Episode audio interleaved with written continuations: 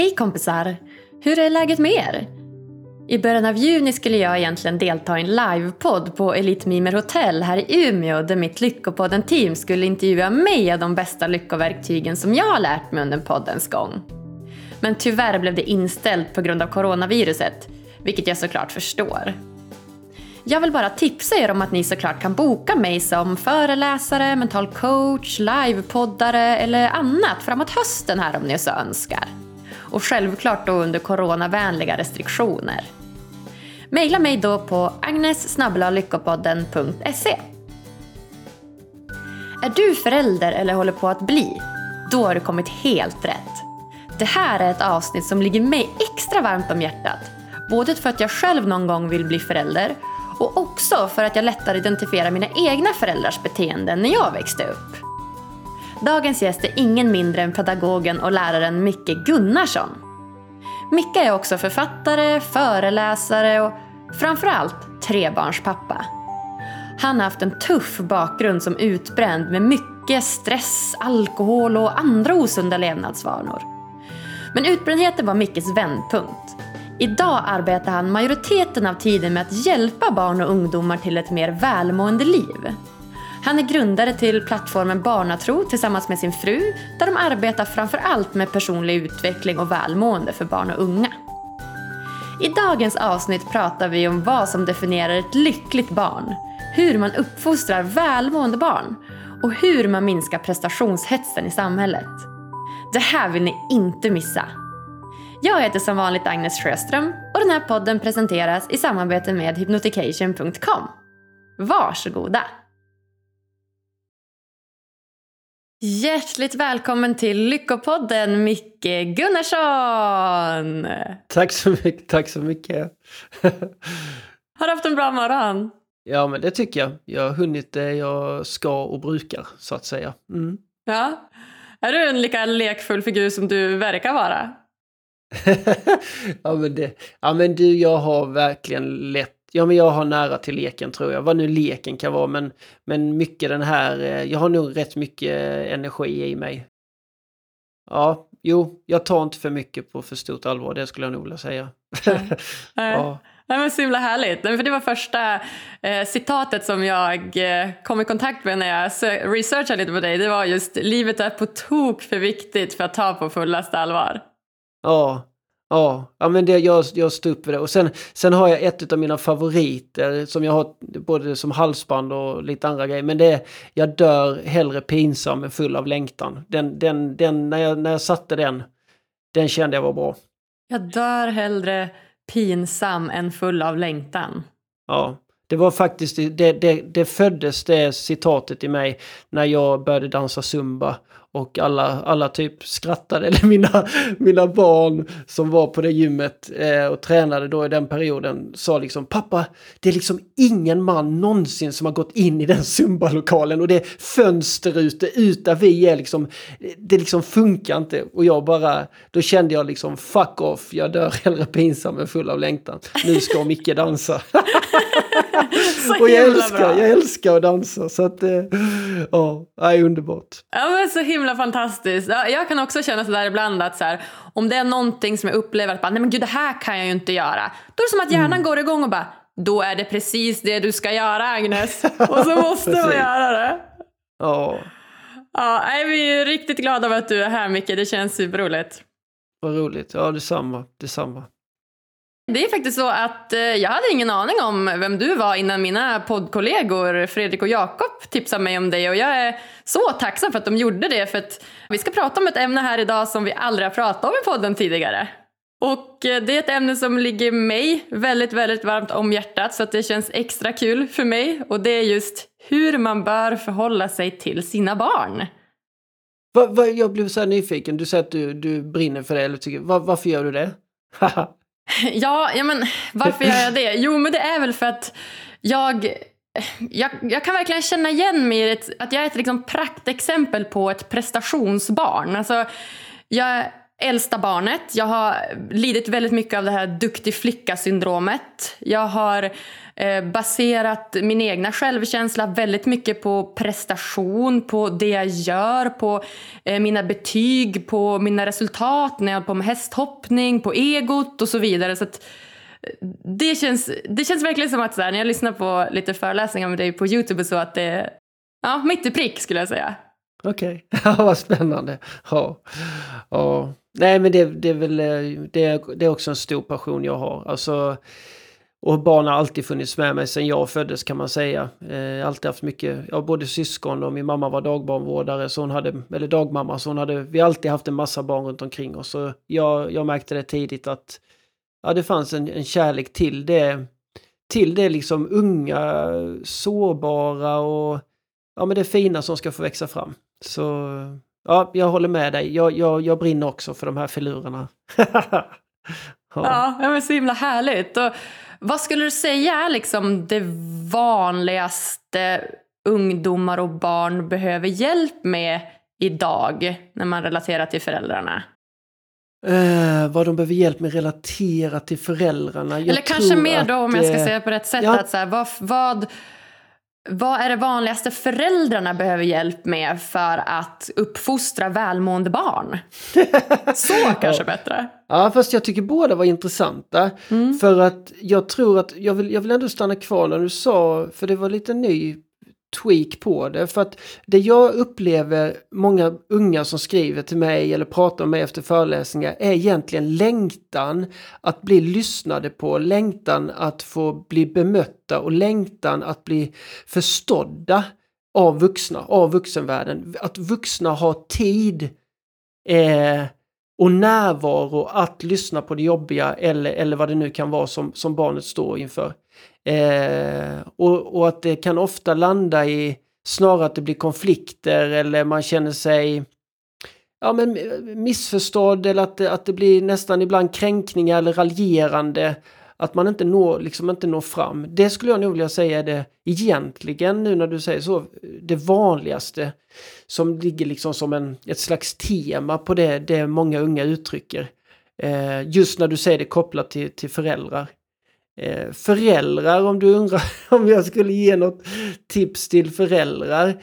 Det är egentligen att börja ta hand om sig själva. Det är alltså... Jag har börjat inse det kan jag, kan jag säga Agnes att...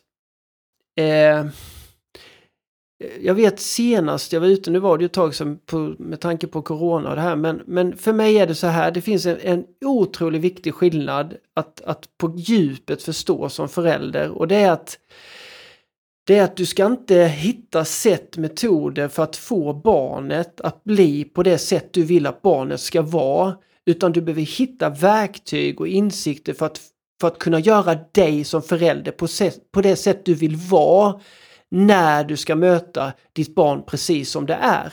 Är du med på den skillnaden? Att det är så lätt idag att, att, att föräldrar vill ha, liksom, i det här snabba samhället som vi lever i, så är det så lätt att, att man vill ha ja, men tre snabba tips eller hur kan, jag, hur kan jag få ordning på min unge? Han är sån eller hon är sån. Att det mycket riktas till att få barnet att bli något som det kanske inte är. Och då menar jag att det vi behöver göra som vuxna, och det handlar inte bara om föräldraskap, det handlar egentligen i livet i stort.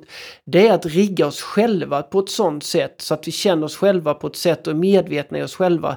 Så vi kan möta egentligen vilken situation som helst eller vilken människa som helst utifrån det som är.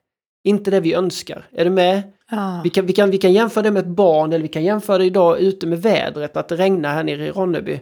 Att, att, att, att, hur, vad händer i mig när inte verkligheten är som jag tänkt att den ska vara? Jag kanske hade tänkt att jag skulle gå ner till affären i, i, i liksom badbyxor för att det skulle vara sol ute och så är det inte utan det regnar. Då är frågan liksom, vad händer med mig då? Blir jag ett offer? Blir jag arg? Blir jag liksom, eller kan jag hantera det? Kan jag acceptera det som är och därifrån hitta bästa sätt att försöka se hur fixar vi detta nu, jag och regnet. Och det är precis samma sak med min son eller mina söner. Det, vi kan, för, för de, är, de barn ska inte vara ju som jag tänker att de ska vara.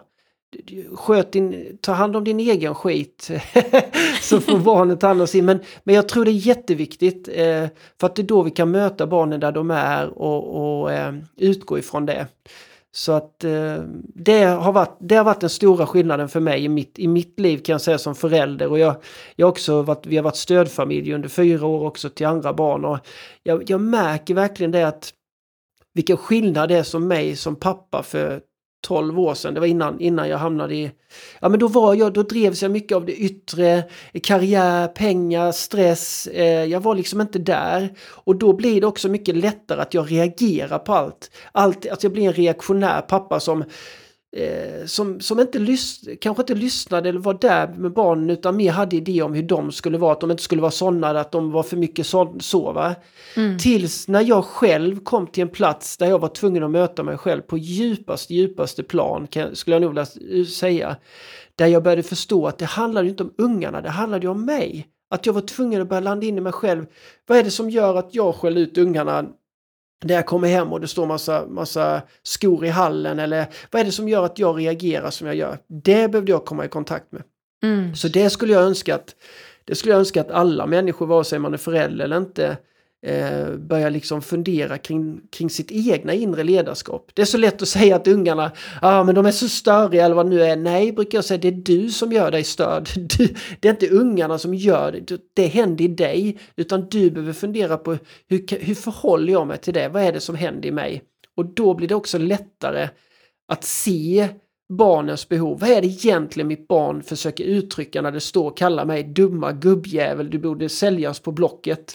nu vet jag inte om man får svära i podden men, men när du står i det, antingen så möter du barnens vokal och konsonanter, för det är det enda du kan liksom ha tid med eller, eller rum för då. Och då kommer du och liksom, vad säger du? Och det ska du säga, och jag har jäkla ställt upp och jag har köpt julklappar. Och så blir det, når vi inte varandra någonstans. Men kan du komma till en lugnare, vad ska jag säga, en plats i kontakt med dig själv på ett djupare plan. Då är det, jag brukar ta det, jag vet inte om du har sett Matrix, den filmen? Jag tror det. Ja, det är en cool scen när, när en hjälte då liksom, det står massa och skjuter massa kulor med k-pist mot honom. Och han gör någon svepande rörelse och går ner nästan i brygga och ingen kula träffar honom. Man ser det i slow motion. Det, det bara vimlar, de går liksom bara förbi honom. Det kan jag känna mycket, att jag har mycket enklare kontakt med idag när, när mina barn eller andra utmanar mig och står där och säger någonting. Att jag berörs inte, det, det träffar inte mig utan jag ser ge, mycket lättare igenom. Där jag kan se min son liksom, ah, vad är det han försöker uttrycka? Shit, jag tror fan han längtar efter mig alltså. Det, det, där, jag, där jag mer kan titta Förstår du vad jag menar? Ja. Så att inte jag startar dramat, så inte jag fyller på kriget utan snarare väljer en fridfull plats och, och vet att det mitt barn gör nu det är att han försöker uttrycka någonting. Han försöker säga mig någonting, det är ett behov han har som inte blivit tillgodosett eller hon har. Att jag mer går in som en detektiv där än att bli ett barn själv som sätter mig i sandlådan och börjar kasta sand. Mm. Ja, ja, det var ja, men Så himla bra, så himla bra. Ja, men jag, jag kan verkligen relatera till det du säger. Att det, det är lätt att reagera, liksom, som du säger, på det yttre, på den känslan man får, på barnet. Se att vi har ett barn som eh, är behov av mycket uppmärksamhet till exempel. Att den eh, kanske pekar på en mycket. Så jag jobbade också mycket med, med barn och ungdomar i olika sammanhang, då, bland annat som, som ridlärare. Och vissa barn du vet, så de pe pe pekar på en och ska ha ens uppmärksamhet och bara Agnes, Agnes, Agnes, Agnes, Agnes, Agnes. Och du vet, en del i mig är som så här, men tyst! Säg inte mitt namn mer! Men sen är det som att, som du säger, vad är då den underliggande orsaken till att det här barnet behöver det? Kanske har en brist på uppmärksamhet hemma, kanske vill den att vi ska prata om någonting, det kanske har ett behov av någonting bakomliggande och det är därför den gör det beteendet. Mm. Mm. Men då till alla de föräldrarna som är där ute, eller blivande föräldrarna som ofta känner så här att Wow, jag sprängs! Du vet, man kanske har, som du, kanske två, tre barn och mm. alla vill ha sina olika behov tillgodosedda från olika håll. Ett barn kanske är det här lugna, snälla, harmoniska och ett barn kanske är mer livfullt och lekligt och vill ta för sig. Och om man då känner så här, wow, jag orkar mm. inte. Hur gör man då för att möta sitt inre på ett bra sätt? Oh. Uh, det är ju en, det är en jättesvår fråga. Men det, jag, måste, jag, jag ska försöka svara på det. Men det jag älskar att, möta dig i den energin, det är när du säger det här. Ah! den, den, den energin. För att jag menar också så att det är inte det att vi ska lägga lock på det vi känner eller liksom försöka fejka utan jag tror också det är viktigt att man får känna det där. Ah, jag har inte fått sitta på toaletten själv nu för fan på en vecka, småbarnen skriker. Alltså. Men då, kanske, då kan det ju vara så att det kan vara viktigt att behöva få ut den frustrationen. Men då kan man då kan man också välja och se, jag kanske behöver hitta något utrymme för träning, om det är en kvart om dagen eller vad kan jag få ut just nu min frustration som jag känner? Och jag är helt säker på, jag är helt säker på, vill jag nog påstå, att om en förälder känner det här, åh, åh, ungarna liksom, så är jag ganska säker på att det här, den här föräldern känner inte bara det just nu, just kopplat till sitt barn, utan det finns en hög nivå i livet just nu. Eh, där, där det, jag tror det är ah på jobbet, ah med partner, alltså risken är att bägaren har fyllts upp så mycket med, med krav, med stress, med frustration, med, med massa saker som gör att bägaren rinner över väldigt snabbt. Det räcker precis som du säger att, att, att lilla Lisa för tredje gången petar på dig. Du mamma, ja men jag orkar inte, hur fan? Alltså, för att det handlar inte om lilla Lisa utan det handlar om att min bägare är så fucking full nu. Så att eh, jag, jag, det bara rinner över. Mm. Och då, jag menar då kan man ju fråga sig, vi kanske inte behöver gå så djupt att vi behöver prata om liksom hur hitta mitt inre utan det utan snarare skulle jag vilja säga få ett grepp om vad fasiken vi håller på Vad håller jag på med? Vad, hur kan jag, att bli mer självreflekterande? Jag brukar kalla det eh, rumpnisseteknik ibland. eh, ja, men, de här rumpnissarna i Ronja Rövardotter, som, de, de kommer ju hela tiden upp där i skogen liksom bara Varför gör han på detta viset? Varför då? Varför säger hon på detta viset? Att börja bli sin egen rumpnisse, att börja smyga på sig själv, varför säger jag på detta viset? Varför gör jag på detta viset? Att börja få kontakt med dig själv men också se hur, hur, hur står det till med mig och runt omkring mig? Eh, jag menar, jag kan säga att när, jag, när, vi, fick, när vi fick våra liksom första barn Alltså på ett plan, jag säger inte, jag ångrar ingenting så, men om jag verkligen tittar på hur vi försökte då, hur lost, ja jag måste nog säga på ett sätt lite lost, men, men jag säger det med kärlek, men den nivån vi liksom, vi skulle göra karriär, vi hade extra jobb, vi var engagerade liksom i föreningsliv, vi skulle renovera huset, plus att vårt ego var så aktivt så att vi liksom kunde inte nöja oss med vad som helst utan eh, nu säger jag inte att vi köpte en nappflaska för 300 spänn med något Marimekko-motiv, men vi skulle nästan nog kunna gjort det om vi hade kunnat. Alltså, vi var så, alltså, det är ju aldrig ett barn någonsin, ett litet barn som kräver att de ska ha en barnvagn för 30 000 med någon jävla inbyggd iPad. Alltså det, det finns ju inte på kartan utan risken är att vi vuxna har kommit i, i liksom där, där egot, där massa andra är så aktivt så att eh, vi gör det nästan omöjligt för oss. Och där, där menar jag att söka sitt inre, det är en resa som jag kan tycka är viktig, men också att se hur, hur Ja men hur har vi riggat miljön i vårt liv nu? Vad har vi för krav? Du var inne lite på prestation innan. Hur ser det ut? För att någonstans i ett föräldraskap så har vi ju någonstans skrivit på ett kontrakt, i alla fall för de närmsta 20 åren, att jag finns här. Eh, och då, absolut de första åren för då, då, utan dig så dör barnen om de nu inte blir bortlämnade. Men, men det är viktigt att verkligen fundera på sig själv.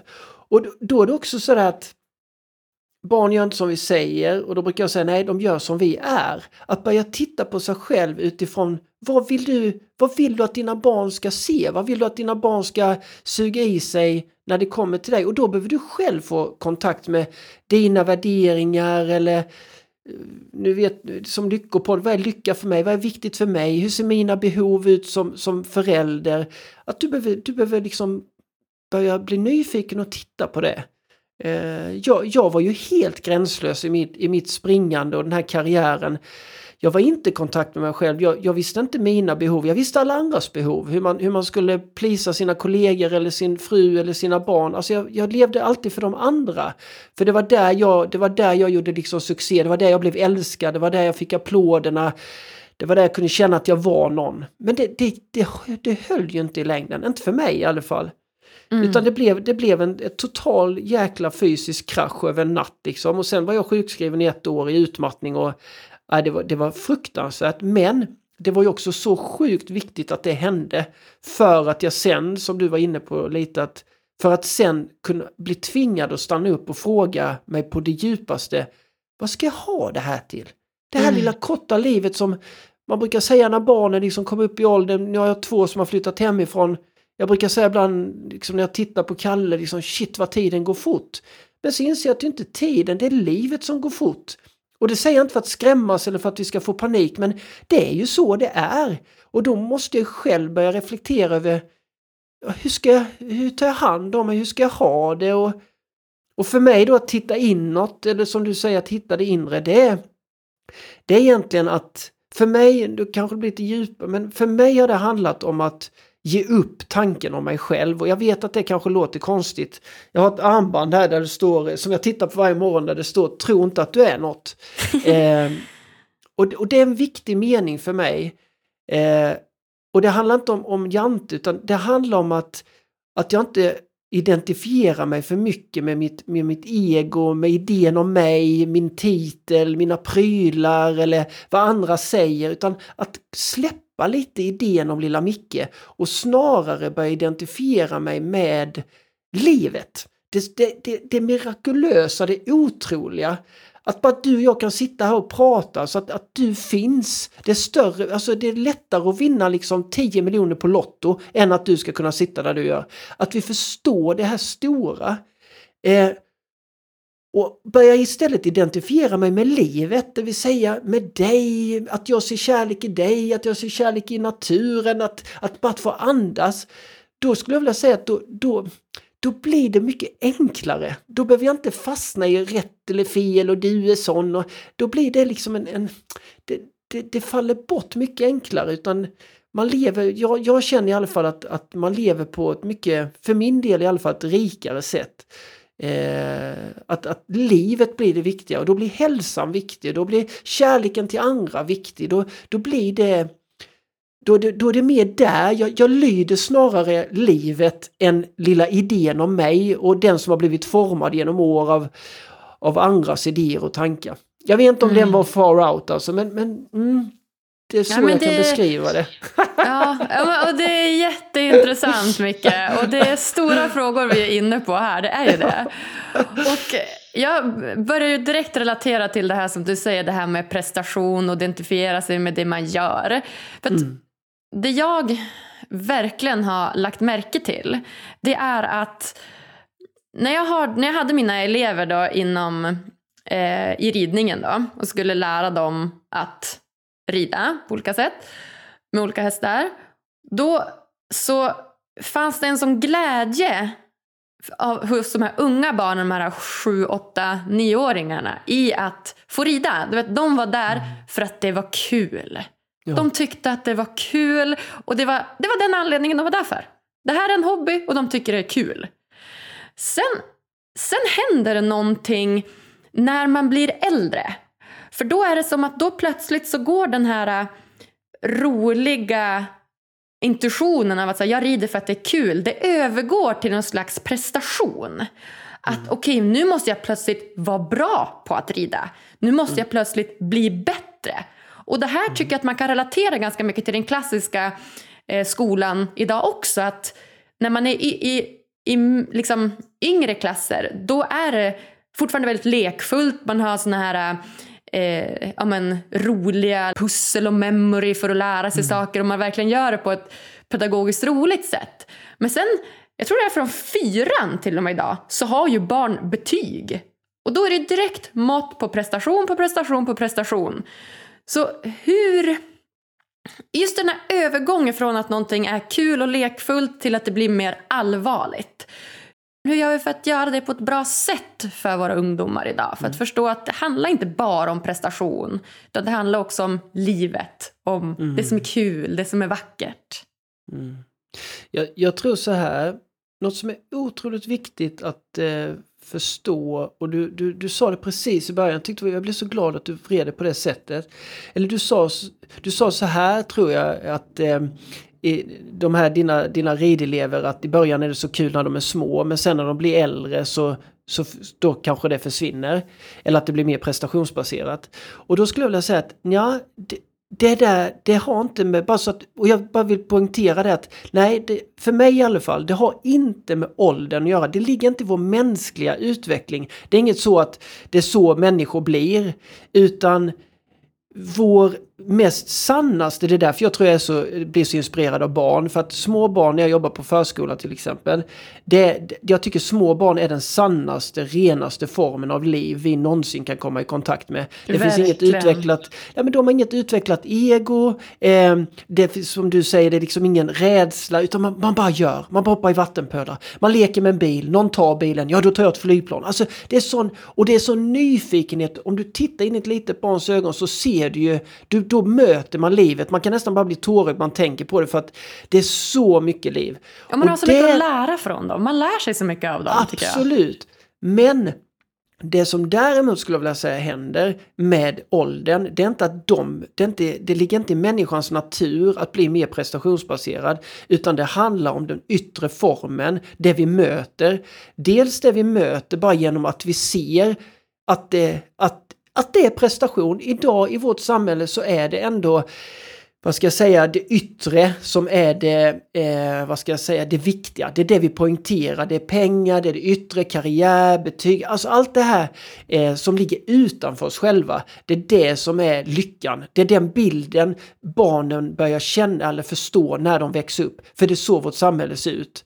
Men det har inte de känt, utan när de har varit små har de lyckan varit inne i dem. Alltså barn, alltså du får, du får nästan göra något med barn för att de inte ska vara lyckliga. Med oss äldre är det tvärtom. Man måste göra något med oss för att vi överhuvudtaget ska bli lyckliga. Förstår du skillnaden? Verkligen. Barn, barnen har bubblet i sig. Och, och att barn ler eller att barn skrattar det är ju för att det är inte så att barnen kommer på att nu ska jag sitta här och skratta utan det är en naturlig konsekvens av deras inre. Så lyckan finns där. Så det vi behöver fundera på, precis som du säger, vad är det egentligen det, det är klart jag kan inte förändra hela samhället över en dag utan barnet kommer bli färgat. Men jag i form av förälder eller pedagog, jag kan i alla fall börja fundera på hur kan jag visa mina barn i praktiken vad som kanske är viktigt. Att det kanske inte är det yttre. Du, du, ditt värde baseras inte på vad du gör eller vad du presterar eller vad du äger utan det finns något mycket djupare inne. Och då är, det ju, då är det ju tyvärr så att då måste ju jag själv ha hittat den platsen. Då måste jag ju själv ha landat i, in i det. Att jag kan känna mig trygg oavsett vilken tröja jag har och vad det står för märke på bröstet och vad det nu kan vara. Att jag kan, utan att tvinga på barnen de tankarna, men att jag kan vara ett, ett, en, en, en, en, in, en influencer, jag säga, men en som som kan smitta av mig till barnen så de ser att det finns alternativ. Jag till exempel eh, dricker ingen alkohol, jag har inte gjort på 11 år. Jag skulle aldrig tvinga mina barn att bli nykterister. Men jag vet att jag har gett dem ett alternativ att se, ah man kan ha skitkul och liksom vara den som håller igång längst på fester även utan alkohol. Att de ser att det finns options. Så att det tycker jag. Sen, sen om vi går rent konkret praktiskt hur vi kan göra med våra barn utifrån prestation. Ja men det är ju också att fundera på hur möter vi våra barn? Det är så lätt att vi, vi lever i ett samhälle där man ska vara duktifierad och man ska vara så duktig och det är guldstjärnor och det är betyg och det är bedömningar. Där kan vi ju själva börja fundera på hur vi möter våra barn. Säg att det kommer ett litet barn, ditt barn kommer med liksom en liten teckning. Och så kommer de fram med teckningen liksom, pappa titta här vad jag, titta vad jag har ritat. Jag skulle säga att oftast per, av, av ren automatik så börjar vi bedöma. Då säger vi åh vad duktig du är, vad fint du har ritat och herregud vad duktig och så här. Ofta kanske vi till och med säger det fint fast inte vi, fan, vi knappt ser vad det är på teckningen. Men, men det ligger i oss att vi ska, åh vad duktig du är va. Men då kan man ju också fundera på, är det egentligen det barnet är ute efter? Är någon slags kvalitetsbedömning av om den är bra eller fin eller duktig eller ful? Handlar det inte snarare om att, att barnet vill visa någonting? Vi kanske istället skulle byta ut vår, vårt sätt att bedöma. För tänk om vi hade sagt till ungen det var det fulaste jag sett. Alltså, varför ska vi ens, vad, vad är det viktiga? Vad har jag? Vad, varför ska jag ta mig rätten att bedöma den grejen när mitt barn kommer med en teckning och säger pappa titta? Men hur Utan- tycker du att vi ska bemöta det? Om barnet kommer med en teckning?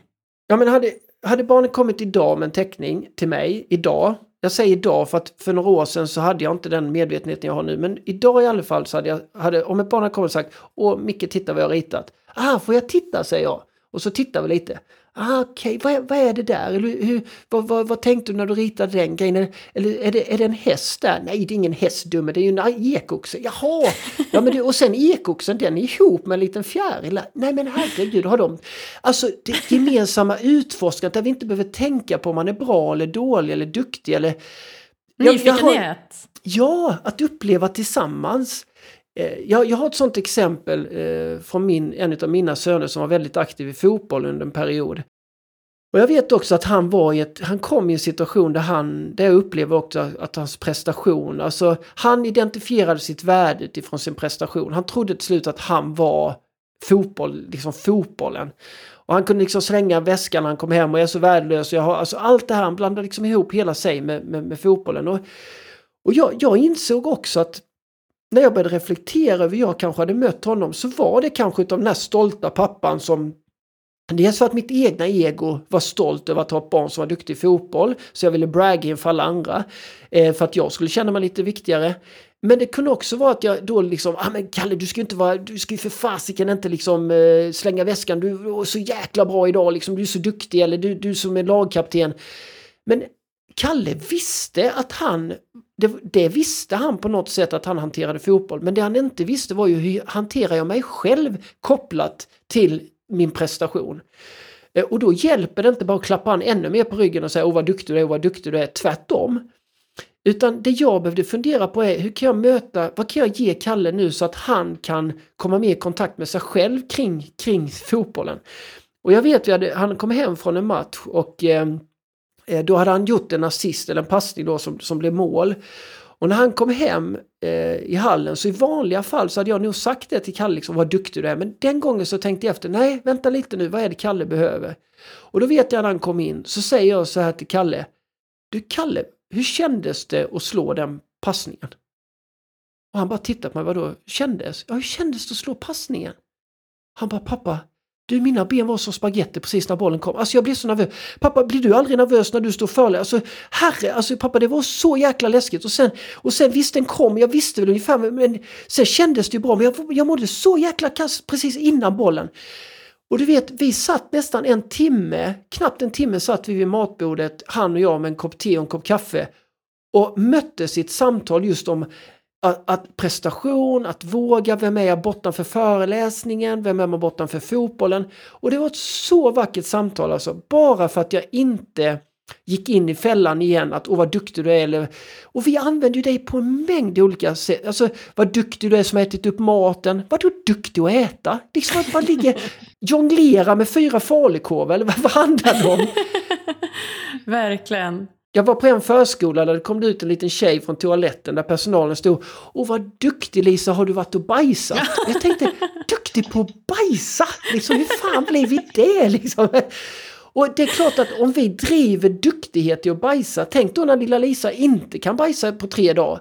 Vad kommer hon då i bajsrankingen? Eller hur? Då, då, ja men då kommer prestationen. Så att, och jag, jag skulle säga så här, jag tror att vi ofta blandar vi ihop att säga till våra barn så här, jag älskar dig.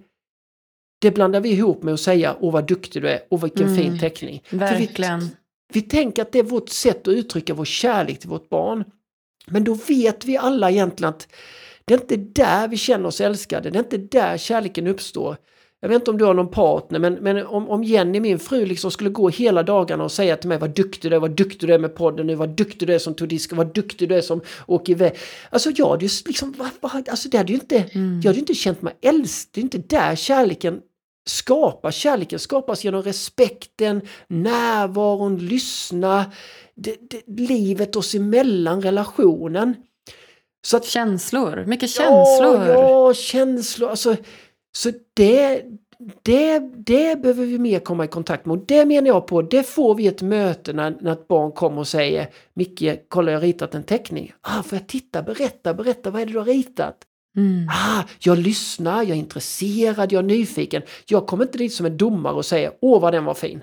Nej. Och sen, okej okay, tack så mycket, då jag ritar en ny. Mm. Ja men så himla sant. För det, som, det jag hänger upp mig på här det är ju framförallt då som du säger nyfikenheten att möta barn och, ja men jag har ju partner också då, men att möta mm. liksom både vuxna och, och barn med nyfikenhet. Och det här som du sa sen, din fråga till din son där med fotbollen. Att hur kändes det att slå den sparken eller den istället för då vad duktig du är, vilket bra pass, det gjorde du bra. Så det känns som det är väl ändå nycklar, två små nycklar till kanske att ta sig vidare från den här prestationshetsen.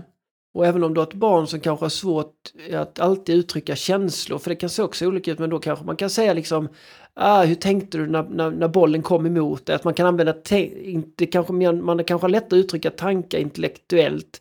Vissa har mer närare till känslor, men det där kan man, det där kan man liksom undersöka och, och labba lite med tycker jag. Mm. Eh, bara för att nå nå barnet i det här växande mötet, inte utifrån bedömande. Och när du säger skolan, alltså tyvärr är det ju så, måste jag ändå säga, att skolan fortfarande i mina ögon fokuserar allt för mycket på det yttre. Att, att, att vi är mer intresserade, brukar jag ibland skoja om, vi är mer intresserade att se om det finns liv på Mars än om det finns liv i oss själva. Mm. Alltså att komma i kontakt med oss själva. Eh, och jag, jag, vet när jag jobbade som gymnasielärare så vet jag en gång jag, vi jobbade med 3D eller digitalt skapande och 3D-modellering, lite sådana grejer.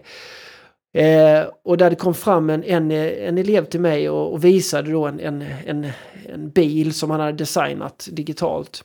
Och visade mig. Och så frågade han mig så här liksom, ja vad tycker du, blir det bra så här?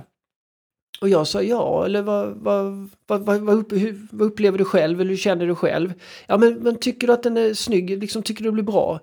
Och då testade så sa jag till honom att Ja, nu har du gjort en blå bil, men skulle du fråga mig personligen då, då kanske jag gillar mer röd, att den hade liksom röd. Ja, ja, men då går jag och ändrar då. Och jag sa, nej men vänta, vad säger du människa? Ja, men du sa ju den skulle vara röd. Nej, nej, nej, nej, nej, nej, nej, nej. Och jag tycker den är rätt det, det, vi får akta oss så att inte skolan blir en plats där barnens egna unikitet, sin egna inre, där det blir stympat bara för att den ska leverera till andras facit, andras sanningar. Så att vi glömmer bort oss själva på vägen. Att man, man går inte till skolan för sin egen skull utan man går till skolan för lärarnas skull, för systemets skull. Och det, då har vi liksom inte lyckats skulle jag vilja säga. Eh, och då, då är det inte konstigt om vi får lägga timmar och funderingar på hur vi ska motivera ungarna, hur vi ska få dem att göra läxan, hur vi ska... För att allting blir en kamp då. För, för det är precis som du sa i början här, att när vi var små då behövde vi inte kämpa med barnen, det, det bara föll så naturligt. Och jag är helt övertygad att det skulle vi kunna göra hela skolvägen, hela vägen, eh, hela livet. Men skolan skulle absolut kunna vara mer riggad utifrån inspiration och utgå från, från där barnet, alltså barnens liv och livet snarare än, än eh, en tanke om framtiden, vilket jag också tycker är problem med skolan, att den är all, alldeles för riktad på framtiden, inte nutiden. Allting mm. går ut på att sen, du ska plugga detta för sen och sen och sen. Och så, så måste vi ju, när jag är ute och föreläser för elever, det är det första jag säger till dem, det första jag säger när jag samlar hundratals elever, det är att säga till dem från hela mitt hjärta att de har ingen framtid. Och, och jag tycker det är viktigt att vara ärlig där mot barnen, att det är precis som att Alltså vi, vi vuxna är så oroliga för våra barns framtid att vi glömmer att träffa dem här och nu. Vi är ofta 6-7 år längre fram. Vi missar vår lilla förvirrade tonåring på 13 år för vi har planer om vad den ska välja gymnasiet för att sen komma in på universitet och sen skapa en karriär. Så vi är liksom 10 år längre fram än den lilla förvirrade, rädda 13-åringen som liksom som sitter och bara jag är kär. Alltså förstår du? Det? Ja. Uh, ja, det känns som att skolan, där kan vi bara snöa, snöa in oss hur mycket som helst. För jag håller med, det finns väldigt mycket förbättringspunkter där som man skulle kunna göra då när det kommer till mycket som du säger, vara mer i nuet, uh, finna någon slags inspiration för lärande istället för ett måste.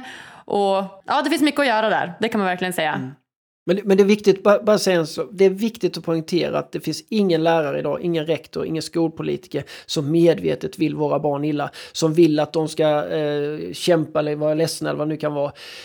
Utan problemet, det som är utmaningen nu, alltså skolan är precis där den ska vara. Liksom det, det, detta handlar mer om eh, vad ska jag säga, detta behöver ske på individplan, att vi behöver vakna upp, det Men, människan behöver, vak behöver vakna upp mer och mer för att bli mer och mer medveten kring, kring, vad ska jag säga, livet. Så att då kommer också skolan formas på ett mer, eh, på, på ett annat sätt. Men vi är där vi är. Men eh, det är därför jag tror det är så, jag tycker det börjar hända mycket nu, tycker jag, i världen. att människor vaknar upp. Ja, och det, är det här med att vakna upp, det är ju lite min nästa fråga. För att, eh, jag vet ju mycket, du är ju både pedagog och du har jobbat som lärare. Du är trebarnspappa, du är föreläsare och författare. Men jag vet också som du nämnt att du har ju haft en tuff bakgrund som är utbränd med mycket stress och alkohol och osunda levnadsvanor vilket på något sätt var din vändning i livet då innan eh, det du gör idag och till exempel så är du grundare till den här plattformen Barnatro tillsammans med din fru där ni arbetar mycket med personlig utveckling och välmående. Men det här med att du också någonstans har varit utbränd och haft en jobbig period i livet innan du någonstans vaknade upp eller vad man nu ska kalla det. Tror du att det behövs, att man behöver ha en sån liksom, tuff händelse i livet? Eller hur kan vi göra då vi blivande föräldrar? Jag har ju inga barn men tänker att jag någon gång vill ha. Men hur kan vi då göra för att bli de här insiktsfulla, bra föräldrarna till våra barn? Ska vi bli utbrända allihopa? Ja men alltså jag skulle ju egentligen provokera, alltså jag skulle ju nästan kunna säga ja, det alltså vi behöver komma antagligen, jag har inget facit på det här, men vi behöver ju antagligen komma till en plats där vi inte vill vara längre, där, där det inte funkar längre och, och där, det, där vi måste hitta andra sätt. För min del var det ju verkligen så att det behövde gå så långt att jag blev riktigt sjuk för att jag skulle förstå. Och det är ju också en sån grej att, att alla sa ju när jag, när jag var sjukskriven, både försäkringskassa, läkare, släktingar, vänner, alla, du är snart tillbaka, du ska se att du kommer snart tillbaka. Det, jag vet, jag var ute i skogen och gick en dag när det damp ner i huvudet på mig, liksom en sån insikt att nej men Micke, du ska aldrig mer tillbaka. Aldrig mer, du ska inte tillbaka till den platsen i dig själv som drev dig till detta mer eller mindre vansinne. Sen är det ju inte så, jag hade ju roligt, jag var, jag var sprallig, jag hade jättekul, men jag var inte där. Det, det, det styrdes inte utifrån mitt, mitt min inre ledare utan jag var styrd av allt det yttre, jagade bekräftelse, jagade kärlek. Och det är klart att i det tempot så var det inte konstigt heller att jag behövde ta till alkohol eller för att, för att jag behövde hitta någonstans där jag kunde få ro.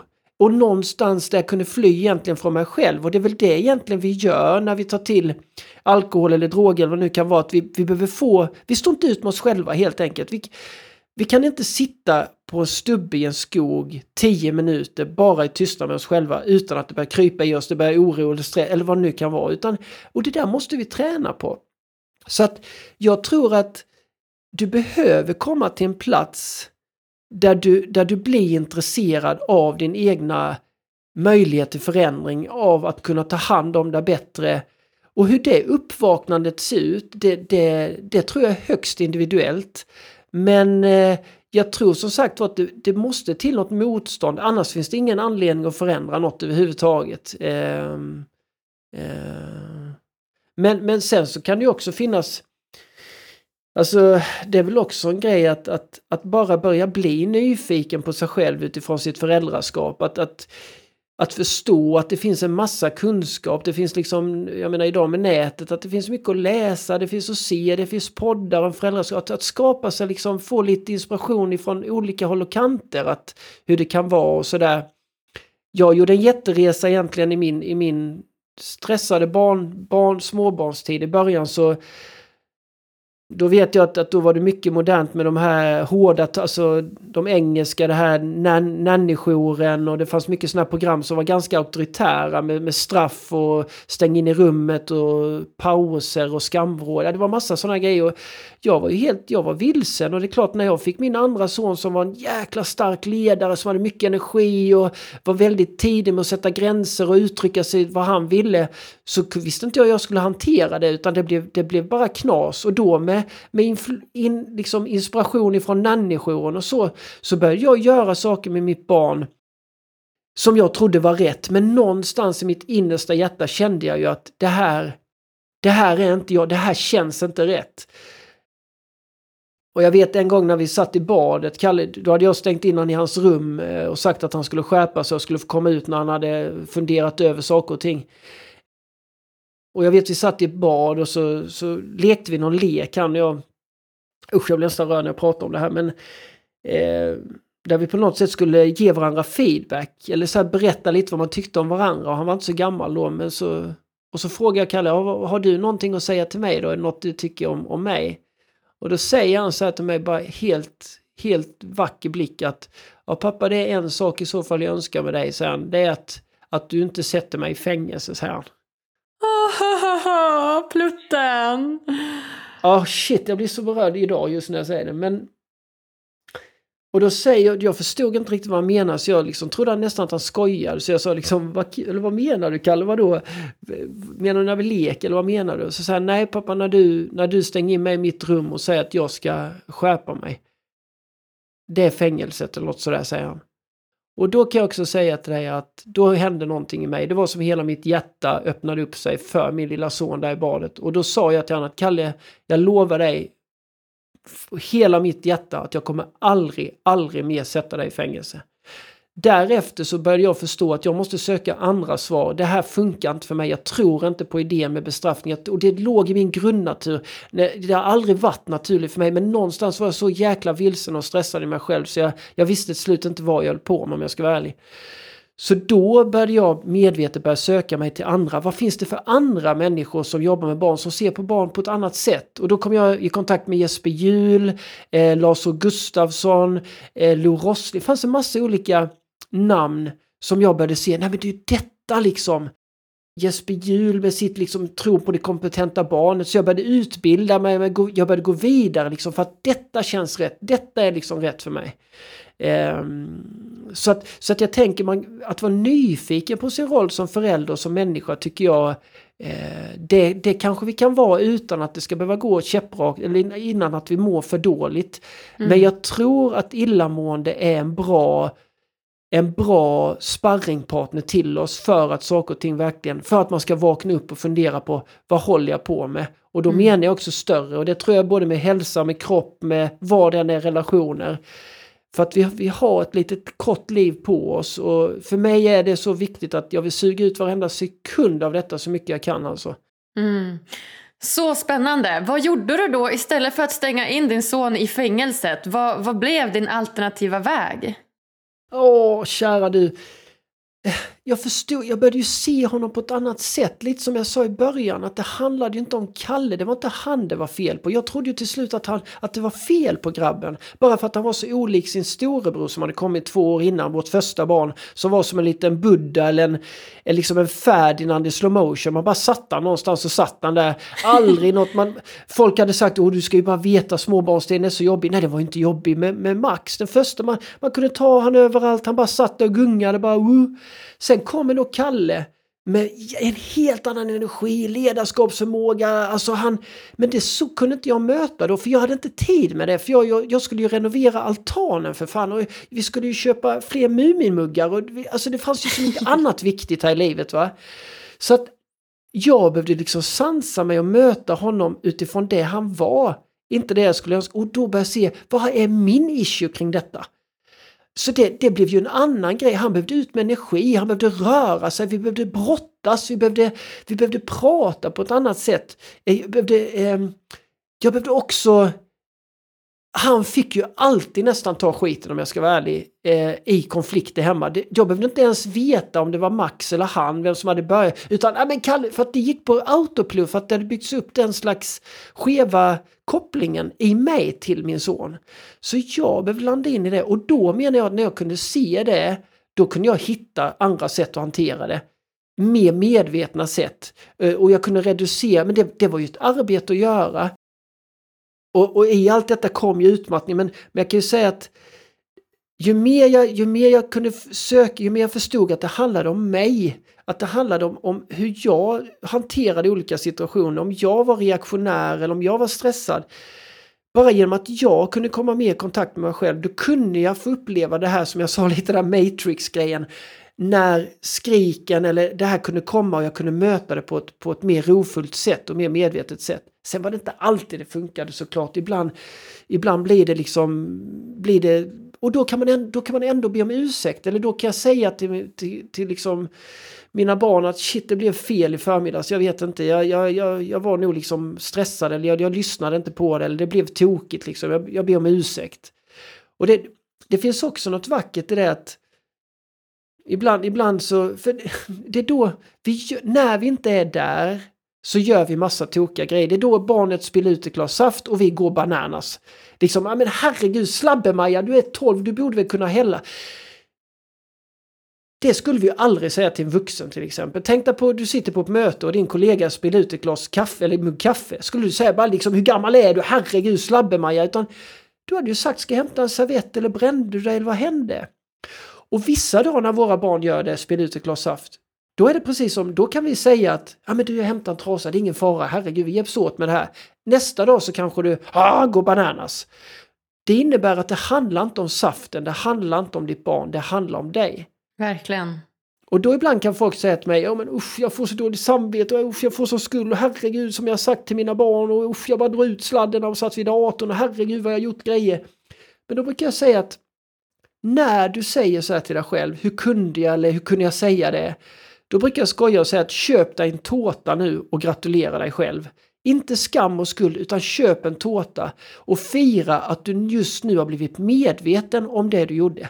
Mm. Det är värre om du inte ser det. Nu har du sagt till dig själv, usch, usch jag gick för hårt på henne i morse, alltså fan vad jag var arg där liksom.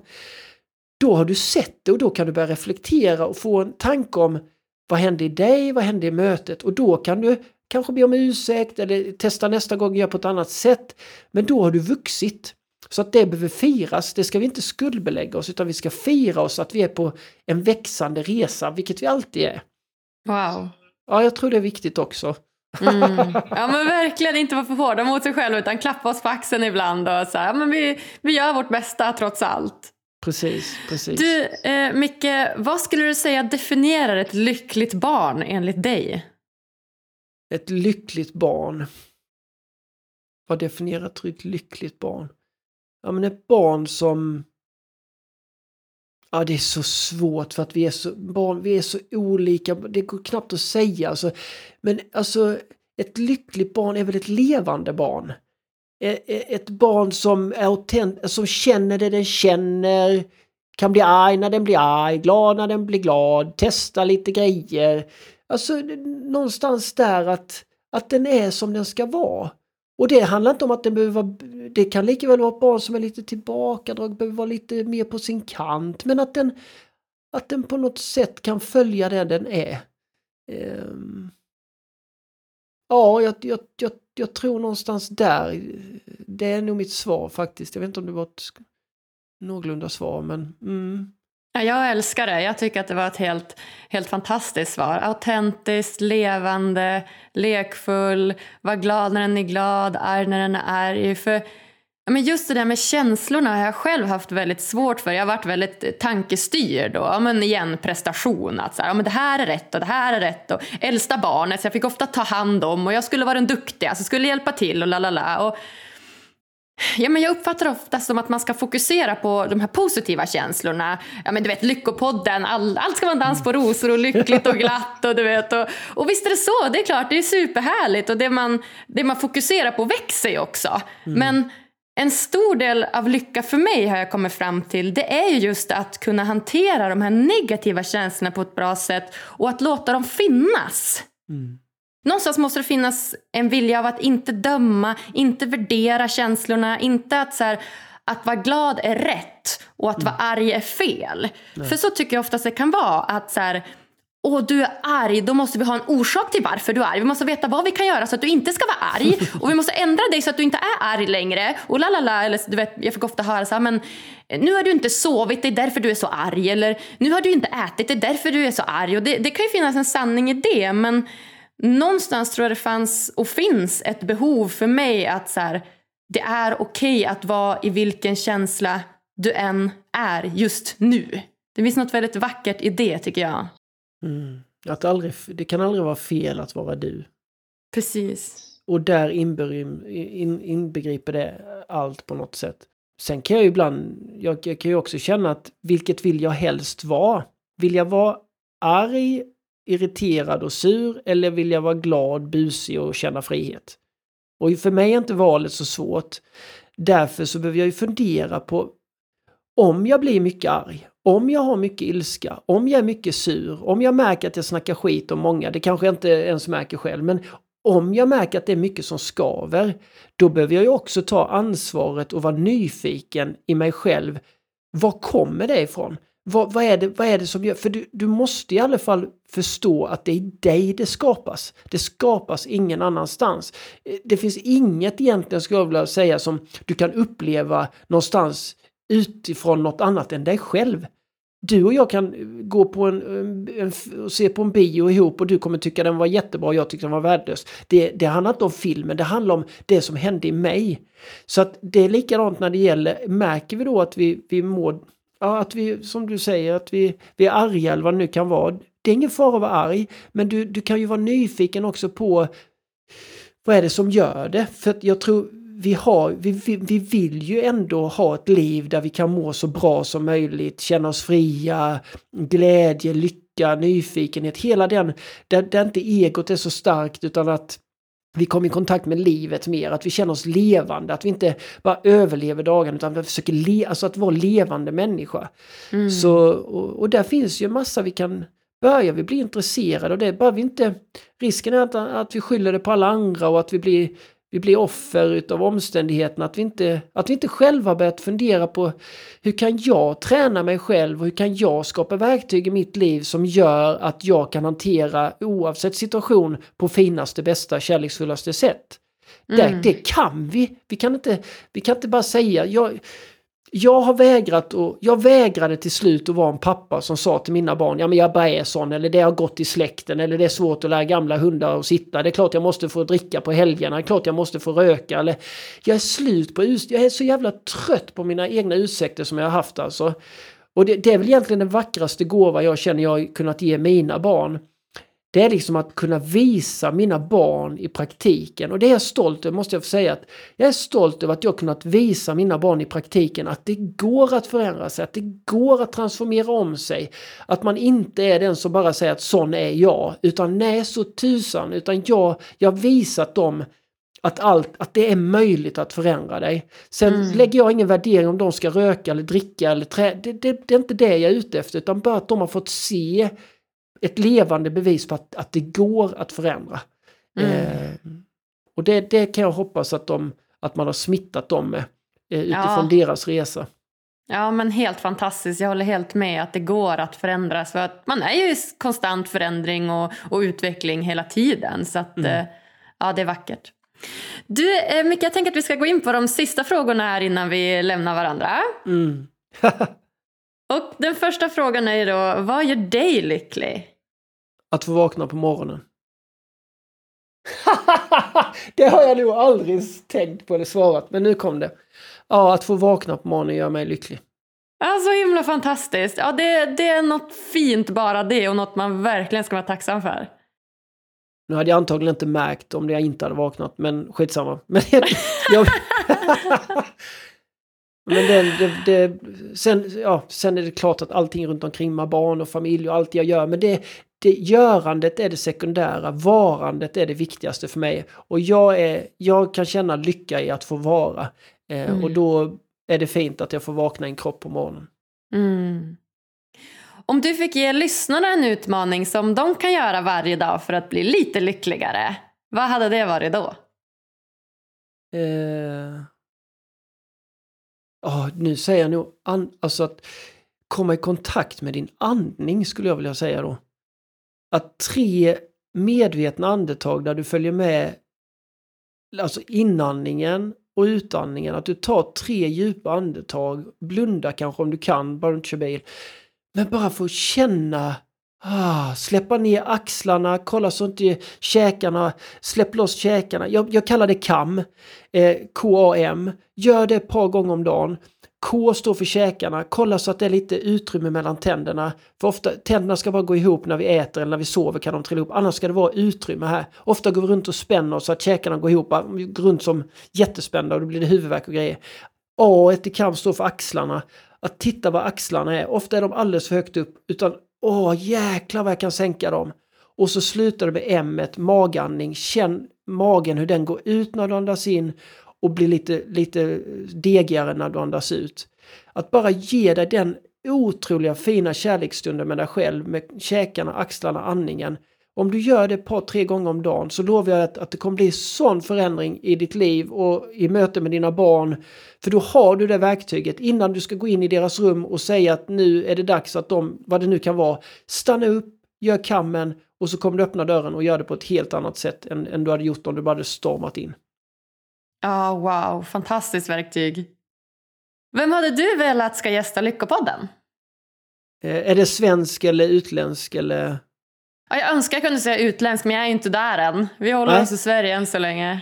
Eh, då hade jag nog sagt Lo Rossling. Okej. Okay. Vem är det då? det är en kompis jag har som har varit en, en hon är en stor eh, inspiratör för mig. Hon har vigt sitt liv till barnen kan man nog säga eh, och varit ute och föreläst och missionerat om, om barnens rätt liksom i 20 år. En, eh, en dam, en ung dam på 74 bast som är den mest spralliga unge jag har sett i 74 år i form. härligt! 74, ja men absolut. De kanske kan slå något typ av åldersrekord här i podden då. Ja, hon är fantastisk. Helt makalös människa. Ja, nej, och eh, om man vill komma i kontakt med dig då Micke, hur gör man då?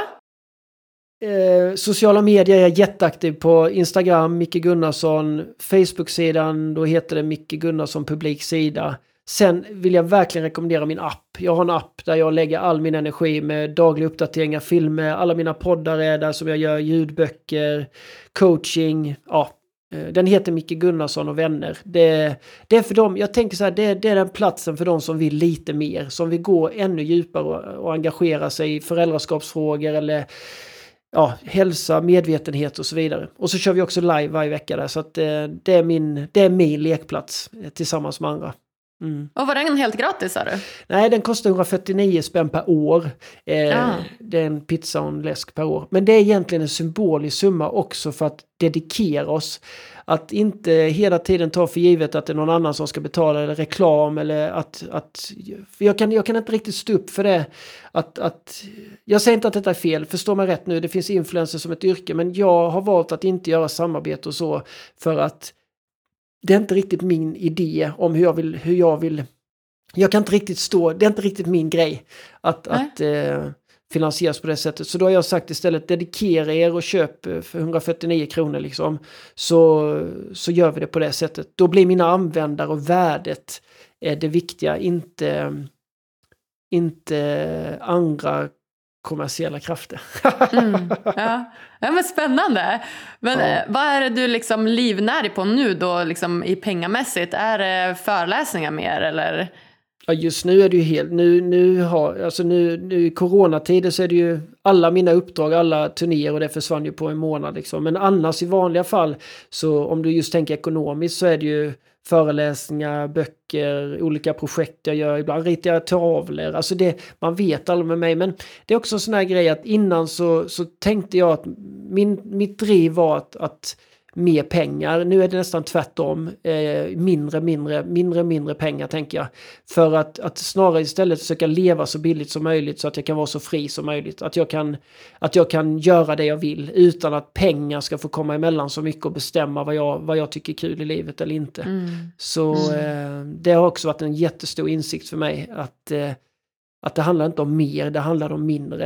Eh, det var mm. där friheten fanns. Så... Ehm, mm. Mm, så ser det ut. ja, vackert. Vi skulle kunna ha haft ett eget eh, poddsamtal bara om relation Peng. till pengar kanske. Ja, det är jättespännande. jättespännande. Ja. Ja, nej, är det något sådär slutligen som du känner att du vill dela med dig av till lyssnarna innan vi lämnar varandra? Nej, inte mer att vi ska, vi ska ta, ta hand om oss och eh, prata inte för mycket om kärleken utan försök vara den. Så tänker jag. Ja, vad fint. Var kärleken. Vad härligt mycket. Du, det får avsluta vårt samtal här. Jag är superglad att du ville komma och gästa oss och säger tusen, tusen tack Micke Gunnarsson. Tusen tack själv. Tack så mycket. Ah, wow, wow, wow, wow hörni. Till alla ni föräldrar där ute. Och till alla er som haft föräldrar. Till er som inte haft föräldrar. Och till er blivande föräldrar. Jag hoppas det här samtalet ska hjälpa er att bli den bästa föräldern du bara kan all kärlek till er. Tycker ni det här var lika bra som jag? Prenumerera gärna på Lyckopodden, följ oss på sociala medier och ge oss fem stjärnor på iTunes. Tack för att just du lyssnar. Vi hörs på tisdag igen. Puss och kram!